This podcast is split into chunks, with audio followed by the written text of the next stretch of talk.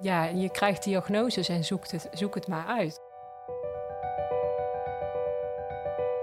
Dat is denk ik wel het verdrietige ervan. Dat je dan eigenlijk thuis toch zeker wel vaak huilt. Maar dan alleen puur in je bed. Of weet je wel, dat je denkt... ik voel me eigenlijk toch helemaal niet zo gelukkig. Meer dan 85.000 Nederlanders staan op een wachtlijst voor hulp vanuit de geestelijke gezondheidszorg. Meer dan de helft van deze mensen moet veel langer wachten op een passende behandeling dan dat eigenlijk mag. Ik denk dat veel zorgverleners gewoon een hart hebben voor mensen. Wij willen het graag goed doen. We willen graag helpen. Ja, op een gegeven moment raak je er zo aan gewend. En op een gegeven moment denk je zo erg van... Ah, ik denk toch niet dat ik het nodig heb. Dus ja, misschien had ik dan toch wel mijn afspraak afgezegd. En ik weet wat er nodig is vanuit mijn eigen hulpverlenersachtergrond, maar het lukt me gewoon niet. Je komt gewoon niet tot. Vooral de mensen met de complexere psychische problemen moeten het langst wachten op passende hulp. Dat zijn de mensen die naar de specialistische GGZ worden doorverwezen om behandeld te worden. De feitelijke kant van dit al lang spelende probleem wordt vaak uitgelicht in de media met termen als extreem lange wachtlijsten en 85.000 wachtenden. Maar achter deze termen en getallen zitten daadwerkelijk echte mensen met echte problemen. In deze audiodocumentaire spreek ik, Sophie, met deze mensen en delen zij hun persoonlijke ervaringen om er op die manier achter te komen welke invloed een extreem lange wachttijd heeft op de personen om wie het probleem daadwerkelijk draait. Dit is Wachten tot je een ons weegt. Hi, hi. Wil, wil je iets drinken? Ja, lekker, graag. Um, Koffie. thee is misschien wel lekker. Ja. ja, met dit weer ook. Ja, grote kop thee. Uh, ja, lekker. Ja.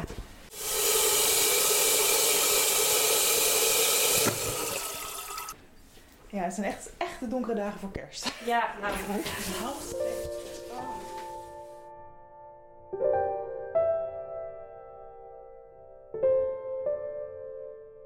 Ik ben op bezoek bij een van de 85.000 wachtenden voor geestelijke gezondheidszorg om van haar te horen wat voor effect de lange wachttijd op haar heeft. Ik ben vandaag bij Laura, 34 jaar, alleenstaand. En eh, ik sta sinds mei 2022 op de wachtlijst. Ehm, als het goed is, mag ik eind januari, 2000, of eind januari 2023 mag ik starten met de behandeling. Laura is een van velen die door haar psychische problematiek niet meer kan werken. Sinds september 2021 zit zij thuis van haar werk en wacht zij nu dus al negen maanden op de passende behandeling voor haar diagnoses. Uh, sprake van persoonlijkheidsproblematiek en daaronder liggend uh, een depressie, een paniek en uh, ondertussen ook een eetstoornis bij komen kijken. Hoe lang heb je al te maken met die klachten? Mm, ik denk indirect al zeker wel tien jaar. Als ik er heel eerlijk op terugkijk, maar nooit echt bij stilgestaan. En ik denk eigenlijk, ja, sinds ik ervoor gekozen heb dat ik dingen anders wilde, dat het duidelijk is geworden dat het niet lekker ging. En uh, ja, officieel, officiële diagnoses nu gekregen dit jaar. Dus uh, ik heb de hoofddiagnose borderline gekregen. Uh, met de onderliggend de trekken van de cluster C persoonlijkheidsstoornis. Zowel van de vermijdende, de afhankelijke als de dwangmatige. Um, en een depressie en een paniekstoornis. Op welke manier beïnvloeden jouw klachten je dagelijks leven nu? Dat ik echt op het standje overleven sta in plaats van leven, denk ik. Mijn leven staat stil op dit moment voor mijn gevoel. Daarnaast heb je gewoon een hele beperkte energie, concentratie. En ben, je, ja, ben ik mezelf op, ja, zo goed als kwaad als het kan door, door de dagen heen aan het worstelen. En dat ja, de uh, ADL gewoon enorm veel kost. En dan lijkt voor de buitenwereld alsof ik het allemaal onder controle heb. Maar het is in mijn hoofd één grote strijd. Ja, maar... En zijn er ook dus gewoon dagen dat ik mijn bed niet uitkom. Maar dat mm. ziet niemand. Nee. Laura is niet de enige met zo'n hoofddiagnose als de persoonlijkheidsstoornis borderline... die al zo lang op een wachtlijst staat voor de juiste hulp. De diagnosegroep persoonlijkheidsstoornissen is de groep die, naast neurobiologische ontwikkelingsstoornissen zoals de autisme spectrumstoornis, het langst moet wachten op hulp. Eigenlijk zou iemand in totaal niet langer dan 14 weken moeten horen te wachten op de behandeling. Maar iemand met een persoonlijkheidsstoornis moet gemiddeld al 23 weken wachten op hulp. Dat is dus meer dan 5 maanden. Maar net zoals in het geval van Laura duurt het dus vaak veel en veel langer dan 5 maanden.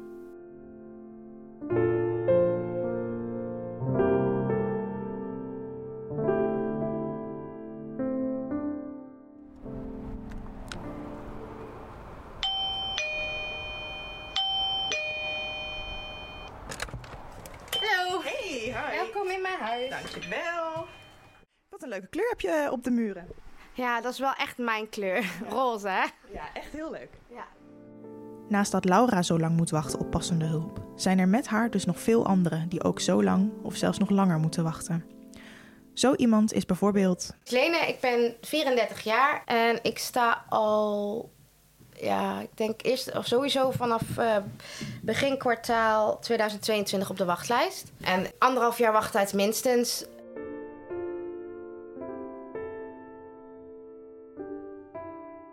Het is begonnen, denk ik, um, met suicidaal zijn ooit. Um, ja, gewoon depressief. Ik had veel gepest. Gewoon een verleden wat best al pittig was op jonge leeftijd. Um, dus ik denk uiteindelijk toch wel dan opgenomen geweest en daar eigenlijk dingen uitgekomen. Het is wel standaard dat ze dan zeggen, je borderline. Maar uh, uiteindelijk dan ook wel erachter komen. PTSS, in de jaren ook trouwens eigenlijk daarin nog trauma, heftige traumatische dingen meegemaakt. Waardoor het uiteindelijk een complexe PTSS is geworden. Ja, wat dan makkelijk kan uitbranden. Ja, weet je, dat je dan wel een soort van borderline kenmerken hebt. Maar ik denk zelf dat het voortkomt uit de PTSS. Ilene kampt dus, net als Laura, met een combinatie van psychische problemen en stoornissen. Met een lastig woord heet dit comorbiditeit. Mensen zoals Ilene en Laura moeten het langs wachten op passende hulp. Dit omdat hun behandelingen vaak langdurig en complex van aard zijn.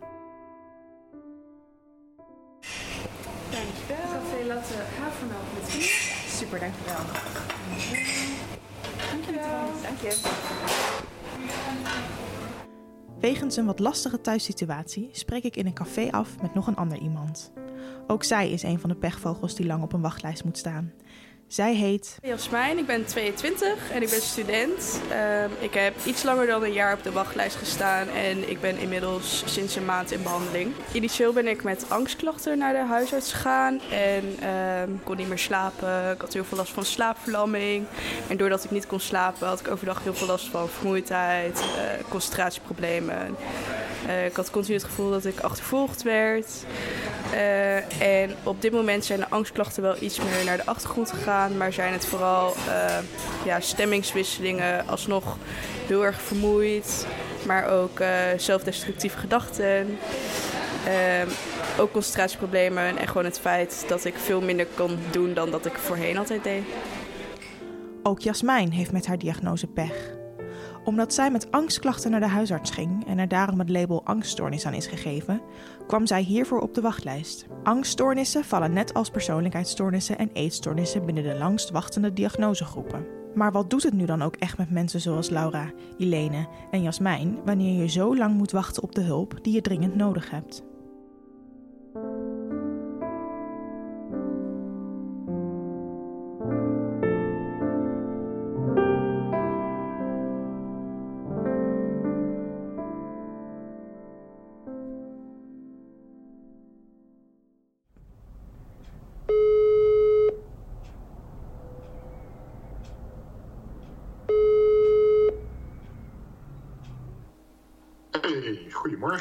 Goedemorgen. Oh, wat goed, hij doet het. Ja. Altijd spannend of het werkt. Ja, hè? Ja.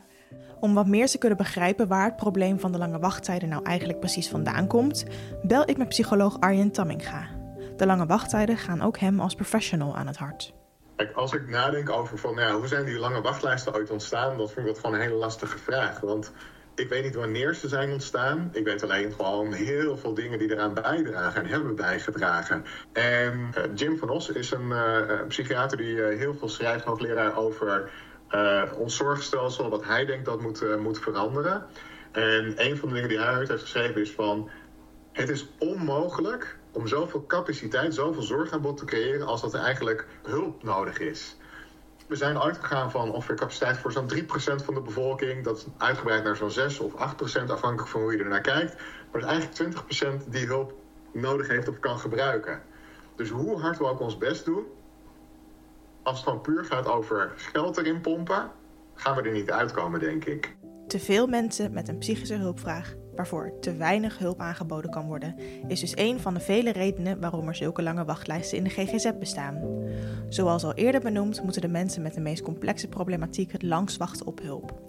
Ik vraag aan Arjen waarom dit het geval is. Zeker weten doe je denk ik nooit, omdat zoveel verschillende factoren een rol spelen hè, in waarom, waarom wachtlijsten zijn wat ze zijn en ook waarom ze dus voor specialistische uh, GGZ groter zijn. als het goed uh, zeg uit mijn hoofd, op dit moment is de gemiddelde wachttijd voor basis GGZ uh, in, in, Nederland 10 weken. Ehm, maar zodra de problematiek wat complexer wordt, bijvoorbeeld persoonlijkheidsproblematiek, dan is het 26 weken of meer. Mensen die meerdere problemen tegelijkertijd hebben, dan wordt het nog ingewikkelder. Hè? De combinatie van eetproblematiek, suicidaliteit, misschien verslavingsgevoeligheid, waarin je ziet dat mensen van kastje naar de muur gestuurd worden. Daar raak je eigenlijk al één onderwerp. Uh, er is voor mijn gevoel best wel specialisatie geweest door de jaren, door de jaren heen. Maar waarbij als iemand meer heeft dan alleen dat probleem waar de instelling in gespecialiseerd is, dan worden mensen toch al snel geweigerd. Ga eerst dit doen of ga eerst dat doen. Uh, maar dus één, één aspect, uh, specialisatie. Een heel belangrijk ander aspect is gewoon geld. Want zowel voor de zorgaanbieder als de zorgverzekeraar is heel onaardig gezegd een cliënt met complexe problematiek al snel een verliespost. Zo wil je niet over mensen nadenken.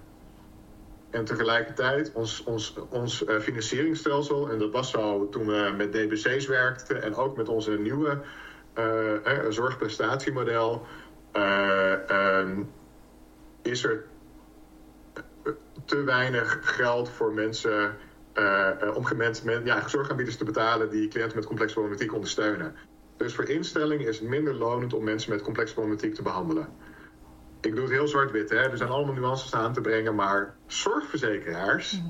is dat precies hetzelfde verhaal. En als ik het heel simpel proberen uit te leggen, gaat het erover gewoon de overheid verdeelt een zak met geld onder zorgverzekeraars, zodat iedereen uh, uh, vergoede zorg krijgt vanuit het basispakket. En er wordt wat rekening gehouden met wat voor mensen zich aan hebben gemeld bij een zorgverzekeraar. Het enige wat niet goed verrekend wordt, zijn eigenlijk de mensen met de meest complexe psychische problematiek. En iedere cliënt, uh, ieder mens, uh, kost tienduizenden euro's voor de zorgverzekeraar. Dus ieder mens wat zich zo aanmeldt, levert tienduizenden euro's verlies op. Wat dus ook betekent dat het voor zorgverzekeraars eigenlijk nadelig is om een goede naam te hebben als het aankomt op psychische zorg. Als dit stuk rondom financiën niet opgelost wordt, dan denk ik dat dit een van de grote problemen is die bij lijf bestaan.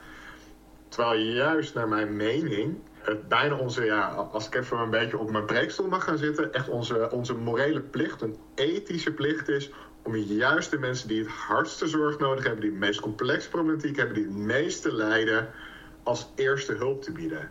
En dat is nou net niet wat er gebeurt.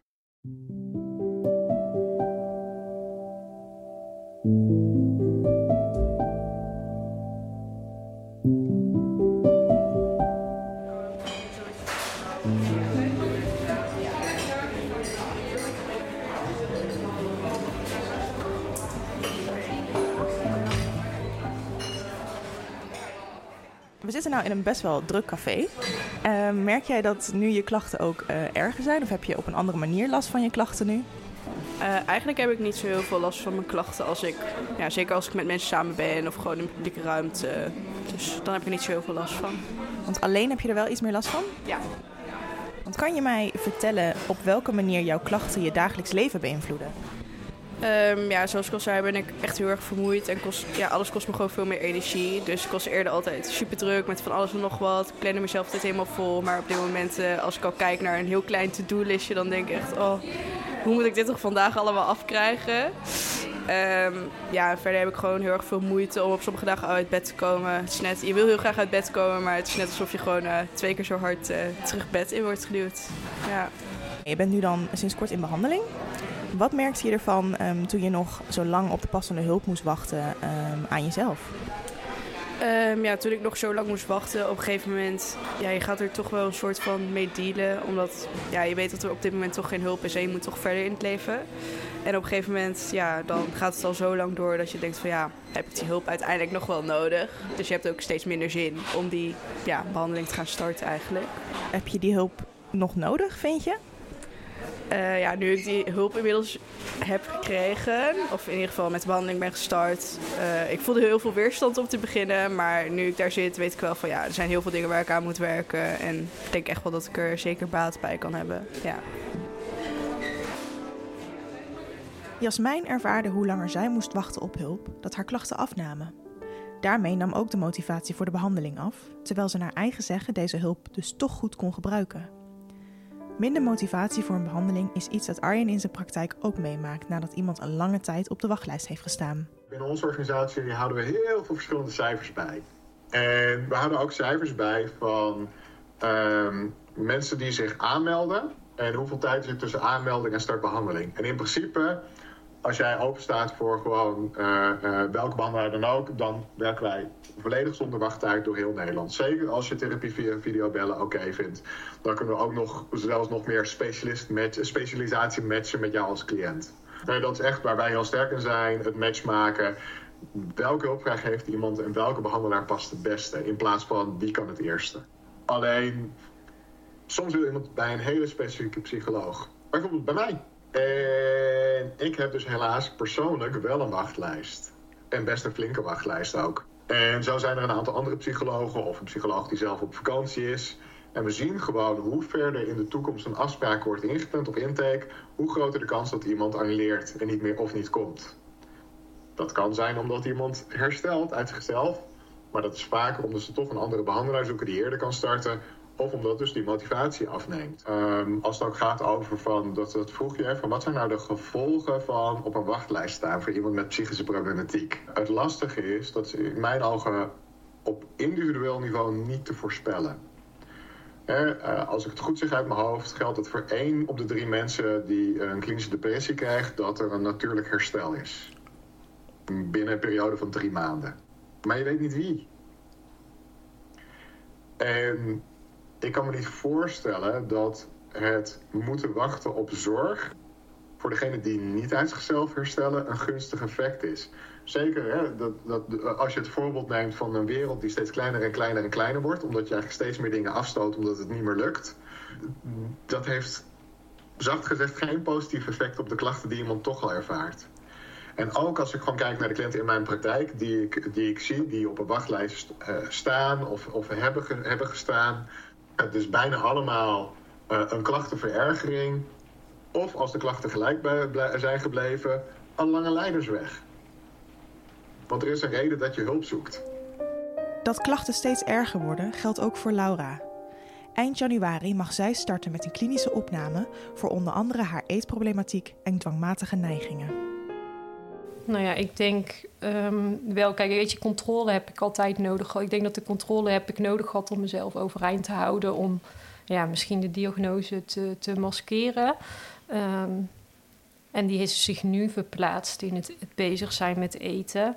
Kijk, mijn laag zelfbeeld en mijn laag eigenwaarde heeft er altijd al gezeten. Dus ik vind dat lastig. Maar had ik um, was die klinische opname nodig geweest voor wat betreft de eetstoornis als ik wel eerder hulp had gehad, als ik eerder handreikeningen had gehad om gezondere kopingsmechanismen ja. te kunnen gaan ontwikkelen. En ik weet mhm. dat dit uiteindelijk toch zelf moet doen. Dus ik weet ook wel dat de therapie mij niet met het overstapje, dat, daar ben ik me wel heel erg bewust van. Maar ik denk wel van ja, weet je, was er dan, als er eerder hulp was gehad, had ik er dan zo bij gezeten hoe dat ik er nu bij zat. En was het dan nodig geweest dat ik ook nog op een andere specialistische wachtlijst gezet zou worden, zeg maar. Dat ik eerst. En dat zal iets zijn wat we nooit zouden kunnen weten, want misschien dat, dat is. Uh, ja. Ook Ilene herkent dat haar klachten verergeren hoe langer zij moet wachten. Haar PTSS zorgt er bij haar voor dat zij veel moeite heeft met in haar eentje naar buiten gaan. Ik ga met haar een stukje wandelen om te horen wat buiten zij met haar doet. Nu zijn we aan het wandelen. Um, achter mij is de snelweg dan, als je de, of de, ja, de doorgaande weg. En als ik dan door het park zou lopen wat we nu gaan doen, ben ik wel extra gespannen van binnen. Maar ook omdat je de drukte achter je hoort. Dus je weet ergens wel, er is leven hoor. Het is ook niet dat het helemaal stil is. Dat hoeft voor mij ook niet per se. Maar ik denk gewoon um, nooit weten wat er achter je komt. Want ook al zou je zeggen het is wijd, je kan zien wie er aankomt. Je weet toch nooit wie er achter je komt. En dat is denk ik de grootste angst met nou, het, het onbekende onverwachte, denk ik. Dat. En zou je graag willen dat je dit allemaal weer makkelijker zou kunnen in je eentje? Ja, dat zou mijn grootste droom zijn dat ik. Nu sta ik dan toevallig in een uh, park, maar ik heb het ook gewoon in de stad of in een menigte, in een concert. Doe ik gewoon. Ja, ik, kan niet, hoe, ik heb dat eigenlijk nog nooit echt kunnen beschrijven, denk ik, wat ik van binnen voel. Maar een soort van benauwdheid en dat ik heel snel ga ademen, of hoog ademen, dat je voelt van, ik moet naar adem happen omdat ik me niet prettig voel.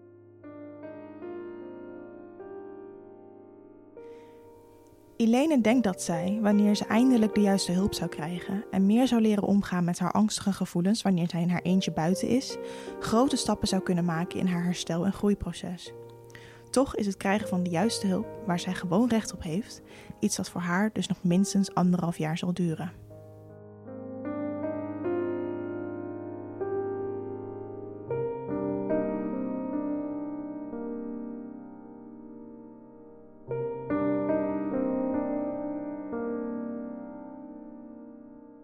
Zo'n vijf jaar geleden, in 2017, deed toenmalig minister Edith Schipper de volgende belofte aan de Tweede Kamer. De wachtlijsten voor mensen met psychische aandoeningen als een depressie, schizofrenie of een angststoornis zijn onacceptabel lang. Het is hoog tijd voor actie. Binnen een jaar lang zal de wachtlijstproblematiek zijn opgelost dankzij ingrijpende afspraken met zorgverzekeraars en zorgaanbieders. Er is van deze belofte weinig terechtgekomen. In tegenstelling zelfs, de wachtlijsten zijn nu langer dan ooit. Dat zorgt logischerwijs voor flinke frustraties. Niet alleen bij cliënten, maar zeker ook bij professionals in de zorg, zoals Arjen. Hoe, hoe frustrerend is dit probleem voor mij? Uh, enorm. En ehm, als ik iemand op de praktijk zie, iemand eigenlijk al heel lang heeft moeten lijden, vaak. En waarbij je ziet dat het beloop van de klachten eigenlijk steeds meer toegenomen, uh, de klachten steeds meer toegenomen zijn over de maanden, soms jaren heen. Waarbij als ik in het begin had gestaan, ik voor mijn gevoel met een sessie of vijf iemand echt goed had kunnen ondersteunen en op de rit had kunnen krijgen. En tegen de tijd dat ze bij mij komen, ik ineens 10, 15 of nog meer sessies nodig heb. Dus gewoon de frustratie van, oh maar had ik jou nou maar eerder gezien? Uh, er zit heel veel frustratie op, omdat uh, ik kan het zelf niet veranderen. Dus ik voel me ook gewoon een stukje onmachtig. Ik heb een cliënt die samen met haar partner ooit bij mij geweest is voor relatietherapie. En die kwam op een gegeven moment, uh, had hij me tussendoor nog laten weten van... hey, ik heb de diagnose complexe PTSS gekregen. Ik herken me daar heel erg in. Dat geeft me ook heel erg houvast. En nou weet ik ook wat voor behandeling ik nodig heb. En die was op de wachtlijst voor High Intensity Trauma Treatment. Maandenlang op de wachtlijst gestaan. Eindelijk aan de beurt. Instelling failliet. Gefeliciteerd. Jij gaat terug op de wachtlijst. Weer opnieuw een lange wachtlijst. En ondertussen, de, bij, de, bij deze uh, cliënt is ook een stuk gezinsondersteuning. En uh, kregen ze te horen, je moet echt wat doen. Want ja, het gaat niet goed genoeg. Nee. En ze zei van, ja, ik ga van crisis naar crisis, maar er is gewoon geen hulp. Niemand kan mij helpen. En die is dus vervolgens bij mij aangekloppen van... Arjen, kun jij me een stukje uh, ondersteunen anders? Waarbij ik zoiets had van, ja, ik wil het met liefde doen... Alleen de problematiek waar jij tegenaan loopt is zo complex dat ik niet denk dat het verantwoord is om dat in mijn eentje uh, uh, zomaar te gaan doen. De machteloosheid van de cliënt van me. En waarbij ik me ook machteloos voel. Omdat ik, ja, weet je, ik, weet, ik, wil, ik wil je met liefde helpen, maar ik weet gewoon niet hoe. Ook voor Laura is het een frustrerend probleem. Zeker aangezien zij, toen ze nog wel kon werken, zelf als hulpverlener in de jeugdzorg aan de slag was.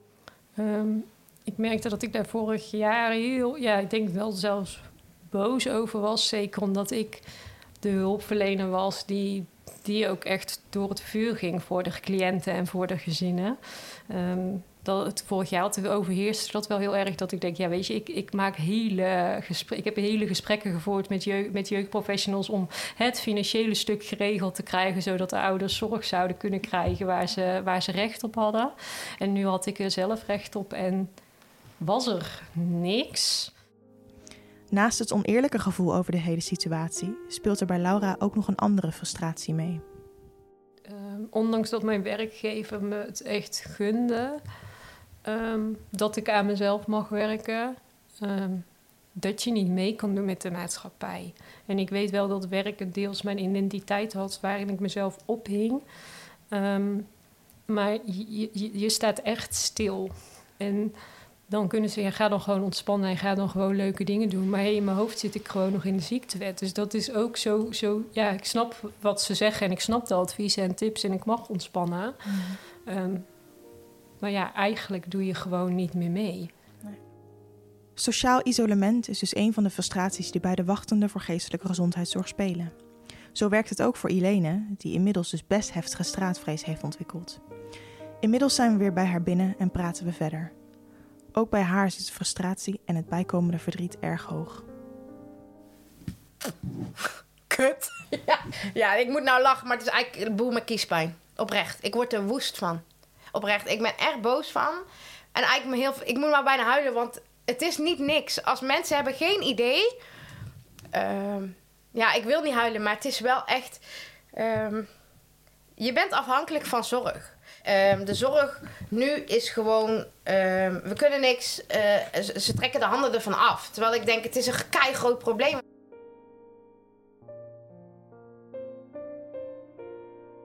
Ook Jasmijn deelt dezelfde frustratie over hoe lang zij heeft moeten wachten op hulp. Net zoals bij Laura vindt Jasmijn het het meest lastig dat ze niet goed heeft mee kunnen doen in de maatschappij. Uiteindelijk wil iedereen gewoon verder in het leven. En het is wel super moeilijk, denk ik, om om hulp te vragen. En als je uiteindelijk al zo ver bent dat je er dan ja, zo lang op moet wachten, dat, ja, dat wil niemand. Want uiteindelijk, eh, des te eerder je geholpen wordt, des te meer baat je daarbij hebt. En hoe sneller mensen ook weer goed kunnen functioneren in de maatschappij. Ik vind het verdrietig dat ik zo lang heb moeten wachten, omdat ik gewoon heel graag weer verder wil met mijn leven. En, en als, het dan, ja, als je dan al om hulp hebt gevraagd en je moet zo lang wachten, dan duurt het alleen nog maar langer.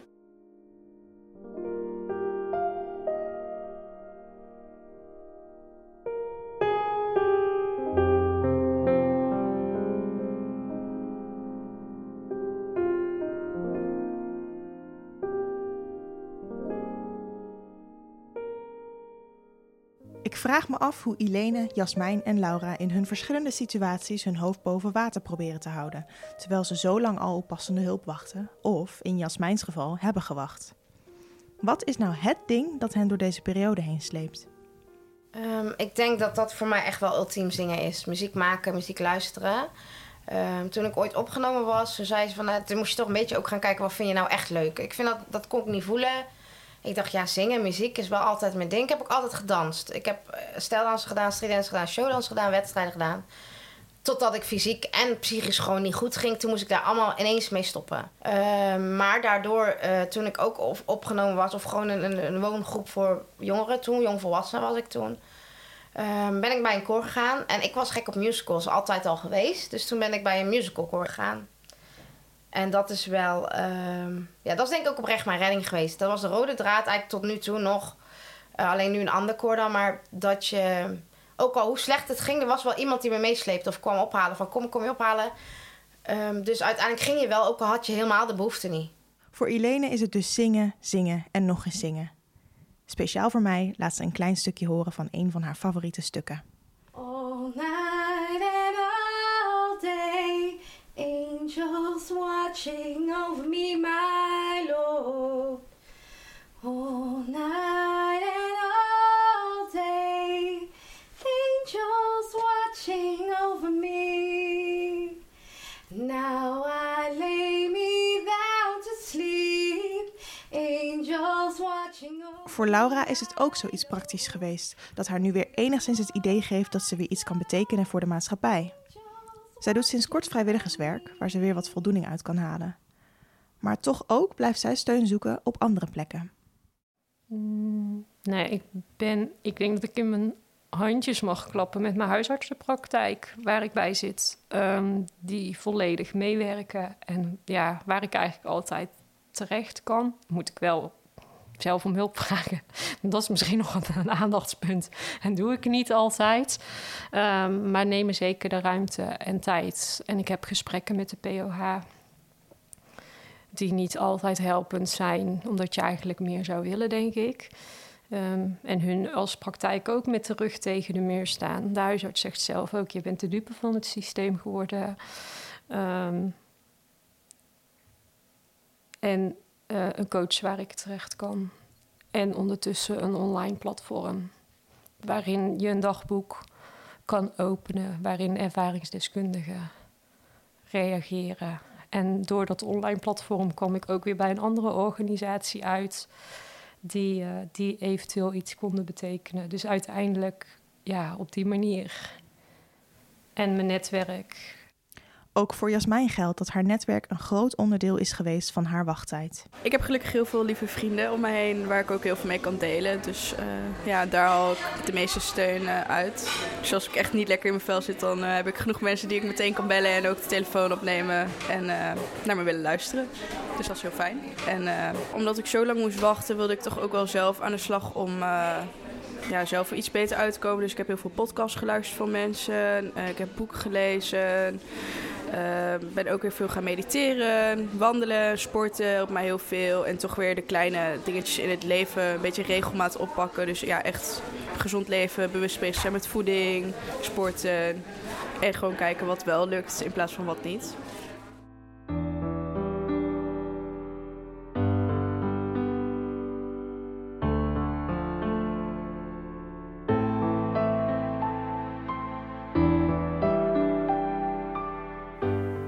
Jasmijn, Laura en Ilene proberen dus alle drie op andere manieren hun hoofd toch enigszins boven water te houden gedurende hun lange wachttijden. Ook in de zorg wordt er een aantal mogelijkheden aangeboden om de wachttijd te verzachten of zelfs te overbruggen. Ook heeft de zorgverzekeraar van de persoon op de wachtlijst een zorgplicht. Dit houdt in dat de zorgverzekeraar kan helpen bij de bemiddeling voor een plek in de behandeling. Maar dit is alleen een optie wanneer de verzekerde, oftewel de wachtende op de lijst, zelf de telefoon oppakt en de zorgverzekeraar belt met dit verzoek. Wist jij um, van de zorgplicht vanuit je zorgverzekeraar? Uh, nee. Nee? Nee, ik weet wel dat ik vorig jaar, um, toen ik werd, toen ik had eigenlijk wel eigenlijk vanaf de eerste intake, want de eerste intake bij de basispsycholoog kwam ineens ook de GZ-psycholoog al bij zitten. Dus dat overviel me al.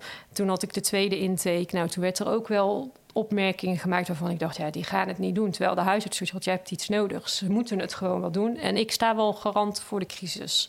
En schakel met, ik kan schakelen. Dus ik had de huisarts wel achter mij staan. En ik weet wel dat ik toen tussen de tweede intake en het adviesgesprek naar de huisarts ben gegaan. Van, hé, hey, welke rechten heb ik? Want zijn ze niet gewoon verplicht om iets ter overbrugging aan te bieden? Maar ja, dat blijkt dus niet zo te zijn. Dat was eigenlijk het enigste. Maar qua zorgplicht Eigenlijk niet. Jij krijgt dan wel dat, dat je de uh, zorgverzekeraar kan bellen. Dat geven ze wel aan. Maar eigenlijk zeggen ze dat die ook al gewoon vrij weinig tot niks kunnen. Dus ik heb daar ook... Ja, ik heb het niet eens geprobeerd. Maar meer om... Uh, de angst voor afwijzing zit bij mij al heel diep. Dus ik, ja, die confrontatie ben ik ook niet aangegaan, zeg maar. Nee, nee. Zelf om nog meer hulp vragen uit angst voor afwijzing is dus volgens Laura ontzettend moeilijk. En daarbij wist ze tot kort voor ons gesprek niet eens van de zorgplicht van de zorgverzekeraar af. Ik vraag me af welke andere overbruggingsmogelijkheden er wel worden aangeboden door zorgprofessionals zoals Arjen. Volgens mij zijn er heel veel verschillende initiatieven over van wat kun je doen uh, om uh, wachttijd te, ja, wat te verzachten of wat mensen wat handvaten te geven. Um, zover ik weet is het afhankelijk gewoon van de instelling of de zorgverlener wat je krijgt. Ehm, maar er zijn helemaal initiatieven. Bijvoorbeeld uh, Gijs Jansen, uh, die heeft een app, dat heet de Guide. Die benadert gewoon actief mensen van... hebben jullie een wachtlijst? Als je een wachtlijst hebt, dan wil ik jullie gratis mijn app geven. Dan mogen jullie zo weggeven aan, aan cliënten. Normaal moet je daar gewoon voor betalen. Dus Weet je, dat is iemand die, die op die manier wat, wat probeert. Dan zijn er verschillende organisaties die dus inderdaad e-health aanbieden stapjes naar eerste herstel. Dan heb je bijvoorbeeld, uh, kan je zelf je thema kiezen. Iets voor slaap of iets voor piekeren of iets uh, voor, uh, voor zelfzorg of activatie. mensen worden soms geadviseerd om contact te zoeken met patiëntgroepen of lotgenoot, lotgenoten.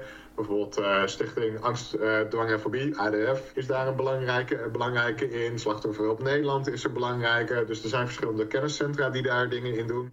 dus lotgenotengroepen, werken met ervaringsdeskundigen. Uh, er zijn heel veel mooie, mooie, uh, mooie andere initiatieven van mensen. Dus er, er is heel veel mogelijk. Maar je moet of het geluk hebben dat je op een plek komt waar iemand je erop attendeert, of het geluk hebben dat je dat toevallig weet. Een laatste optie is de praktijkondersteuner bij de huisarts, ook wel een POH-GGZ genoemd. Deze persoon werkt in de huisartsenpraktijk en biedt onder andere ondersteuning wanneer iemand heel lang moet wachten op geestelijke gezondheidszorg. Ik vraag aan Jasmijn of haar deze overbruggingsoptie is aangeboden om haar wachttijd van een jaar te verzachten. Eigenlijk is in het begin de fout gemaakt om mij eerst bij de praktijkondersteuner in te delen door de doktersassistenten. Toen ben ik daarover teruggebeld door mijn huisarts. En die heeft toen gezegd van ja, praktijkondersteuner dat is echt niet uh, ja, voldoende zeg maar, voor de klachten die je hebt. En toen is die afspraak eruit gehaald en moest ik daarna dus wachten op een uh, psycholoog vanuit de basis gezet. En ja, daar, ja, eigenlijk is die optie dus niet aangeboden. Nee. Wat vind jij ervan dat eerst zo'n optie als de praktijkondersteuner van de huisarts wordt aangeboden als overbrugging of verzachting van de wachttijd? Uh, ik denk zeker dat dat een goede optie is. Vooral in het begin zijn je klachten toch wel het meest heftig. Want ja, mensen gaan niet naar hulp zoeken als het niet heel heftig is. Uh, als ik tenminste naar mezelf kijk. Je gaat echt pas hulp zoeken als je denkt, nou ja, het kan niet langer zo. Dus als je dan in ieder geval iemand hebt uh, buiten je netwerk om. Of misschien als je helemaal geen netwerk hebt waar je in ieder geval mee kan ventileren. Ook al kan diegene jou misschien niet helpen omdat hij de skills niet heeft voor jouw klachten. Ik denk dat het toch wel fijn is als het zou worden aangeboden. Ja. Jasmijn had dus graag gewild dat zij naar een praktijkondersteuner had gekund om in ieder geval te ventileren toen haar klachten het ergst waren. Maar, zoals we Laura al eerder hoorden vertellen, doet de praktijkondersteuner niet genoeg wanneer je psychisch ziek bent en je daarvoor intensieve hulp nodig hebt. De overbruggingsmogelijkheden die nu worden aangeboden zijn dus niet genoeg om psychische klachten te kunnen oplossen. De 85.000 wachtenden in Nederland hebben behoefte aan passende hulp die op hun persoonlijke problematiek is afgestemd.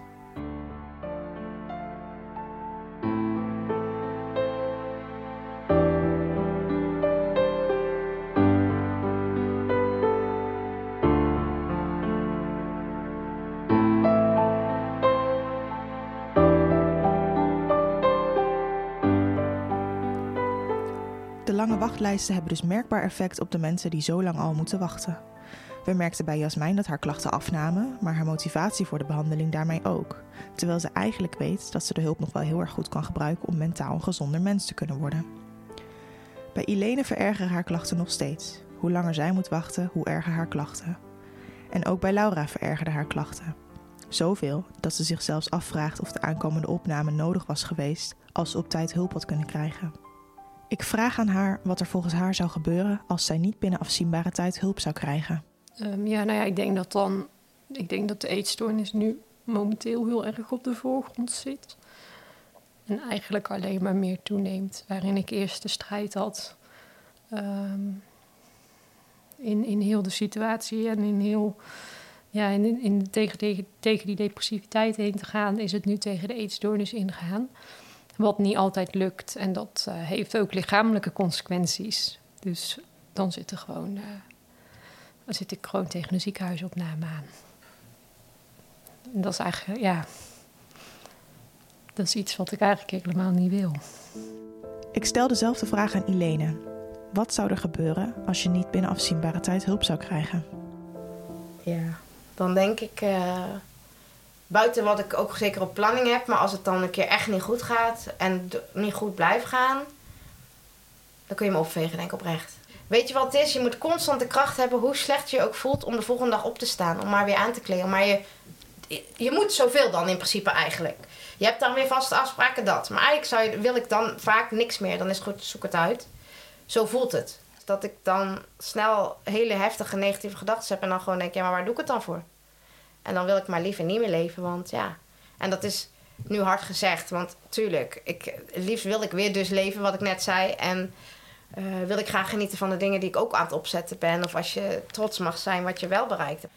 Maar dat zou fijn zijn als het stabiel blijft gaan. Hè? Dat je gewoon eigenlijk niet meer die. Nou, het gaat ermee om, het mag wel een beetje schommelen. Maar niet meer die hoge pieken en diepe dalen, want dat is vermoeiend. Professionals zoals psychologen frustreren zich net zoveel als de wachtende zelf. Voor Arjen is het duidelijk. Dit grote probleem moet echt worden opgelost. Wij uh, spreken zo'n 40.000 mensen op, uh, op jaarbasis binnen onze organisatie, volgens mij meer.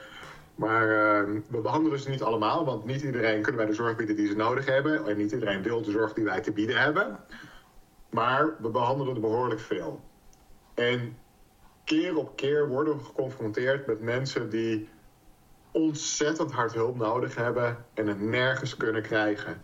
Weet je, uh, ik moet denken aan een uh, meisje van volgens mij 14 met een zo'n ernstige eetstoornis dat ze net opgenomen was geweest in het ziekenhuis om op gewicht te kunnen komen. maar vervolgens er minimaal nog een jaar moet wachten op behandeling. Ja, wat denk je dat er gebeurt als je deze meid naar huis laat gaan? Vaak hebben wij spreken toch meerdere keren per, eh, per week mensen eh, met eh, eh, acute of semi-acute suïcidale eh, klachten. Maar die ook op een wachtlijst staan. En waarbij de huisarts bijvoorbeeld al heeft geprobeerd om met spoed iemand eerder geplaatst, eh, geplaatst te krijgen. Maar het lukt niet. Er is geen plek. De instelling wil wel, maar die kan niet. Eh, en, en dit soort verhalen, dit soort schrijnende verhalen, hoor ik gewoon aan de lopende band.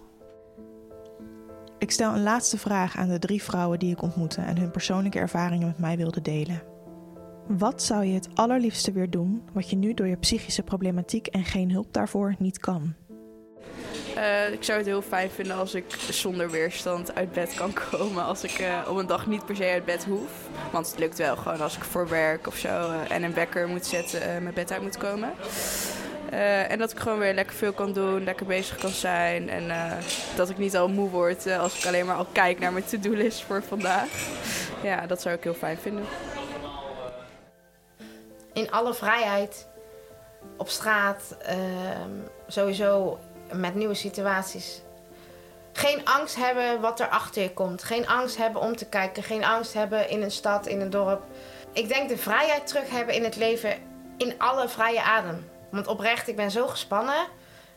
Ik kan het ook niet omdraaien, want dan zeg je moet leren ontspannen. Maar ik denk, als dat weg zou vallen, dat ik wist dat ik in alle vrijheid, dat ik geen angst hoef te hebben. Dat dus iemand tegenkomt die me, of die me iets wil aandoen, of wat er gebeurt. Vooral leven en genieten. Ik zou het fijner vinden als ik, denk ik, 100% of misschien wel miljoen procent eh, zonder angst zou kunnen leven. Of zonder paniekaanvallen. Ja, dan zou ik me denk ik heel vrij opgelucht voelen dat het niet meer hoeft.